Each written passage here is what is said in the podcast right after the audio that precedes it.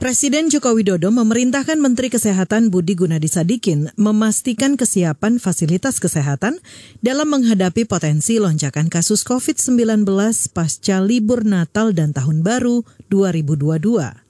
Hal tersebut disampaikan Jokowi dalam rapat terbatas evaluasi PPKM di Istana Negara kemarin. Saya minta Menteri Kesehatan untuk melakukan langkah-langkah antisipasi untuk memastikan kesiapan rumah sakit apabila terjadi lonjakan pasien sakit selama akhir Desember dan awal Januari 22. Terutama pemetaan situasi dan terutama di daerah yang berpotensi kasusnya meningkat. Selain menyiapkan fasilitas kesehatan, pemerintah sepakat menerapkan PPKM level 3 secara nasional.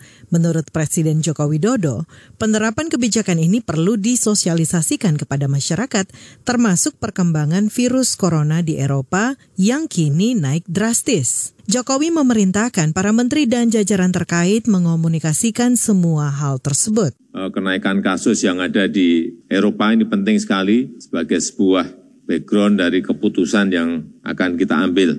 Karena memang ada beberapa yang menolak pemberlakuan PPKM level 3 ini karena memang menginginkan situasi menjadi normal kembali, tapi kita harus ingat bahwa apa pun perlu dijelaskan bahwa apabila situasi tidak terkendali justru akan memukul balik ekonomi dan pariwisata kita. Sementara itu, juru bicara Satgas Penanganan COVID-19 Wiku Adhisa Smito mengatakan penerapan PPKM level 3 ini dilakukan untuk mencegah penularan virus corona saat Nataru. Wiku mengklaim penetapan PPKM level 3 untuk mengendalikan tren kenaikan mobilitas di masyarakat. Merujuk pada data Google Mobility Index 2021, kegiatan rekreasi wisata terpantau meningkat. Hal yang sama juga tampak pada kunjungan masyarakat ke kawasan perumahan. Periode liburan panjang adalah tantangan bagi kita semua. Berkaca dari pengalaman, Indonesia belum pernah berhasil melewati periode tersebut tanpa kenaikan kasus. Strategi lain yang diterapkan ialah larangan cuti atau libur bagi ASN, TNI, Polri, karyawan BUMN maupun swasta selama libur akhir tahun. Nantinya akan ada pengawasan penerapan kebijakan pengendalian sampai tingkat komunitas beserta pendisiplinan di lapangan secara langsung. Penyesuaian kebijakan ini bakal diatur dalam surat edaran Satgas maupun Kementerian Perhubungan terbaru. Ikatan Ahli Kesehatan Masyarakat Indonesia menyarankan pemerintah mengoptimalkan pembatasan mobilitas masyarakat saat Nataru.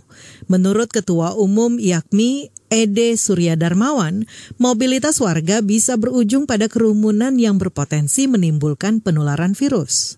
Indonesia disorot dunia karena penanganan COVID-nya yang dinilai berhasil gitu ya. Walaupun banyak kalangan di antara kita rasanya ya, penanganan kita itu belum optimal tapi kasusnya bagus itu. Ya, sebenarnya sih bisa jadi mungkin terjadi masyarakat itu sudah terpapar, sudah terinfeksi tapi tidak muncul gitu ya. Kemudian jadilah penurunan kasus yang kesannya masif ya karena yang terinfeksi baru sudah nggak ada lagi kan? Pilihannya orang tidak terinfeksi itu hanya kalau sudah terinfeksi atau sudah divaksin kan? Karena di tubuhnya sudah ada antibodi yang begitu. Itu barangkali catatannya. Sehingga ketika situasi seperti ini janganlah kemudian kita lengah ya kan? Karena potensi untuk terjadi lagi kasus baru itu masih sangat mungkin. Nah dari mana asalnya? Kalau kita lihat pengalaman selama ini gitu kan kejadian itu selalu pada saat liburan kan gitu ya? Pada saat liburan ada mobilitas, kemudian kasus meningkat kan gitu. Nah itu barangkali Berdasar hasil analisis data, Indonesia selalu mengalami tren lonjakan kasus pasca libur panjang, yakni pada tiga periode liburan, yakni libur Idul Fitri 2020, libur kolektif Maulid Nabi, dan Natal 2020, serta libur Idul Fitri 2021. Pada libur Maulid Nabi dan Natal 2020, ada tambahan lebih dari 5.000 kasus, sedangkan di libur Idul Fitri 2021, kasus harian bertambah 46 ribuan. Per kemarin, kasus harian nasional COVID-19 di tanah air bertambah lebih dari 180 orang. Secara total, sudah ada lebih dari 4,2 juta kasus terkonfirmasi positif. Dari jumlah itu, 4,1 juta sembuh, dan lebih dari 143 ribu meninggal. Demikian laporan khas KBR, saya Aika Renata. Kamu baru saja mendengarkan news wrap up dari Kabel Prime. Dengarkan terus kbrprime.id, podcast for curious mind.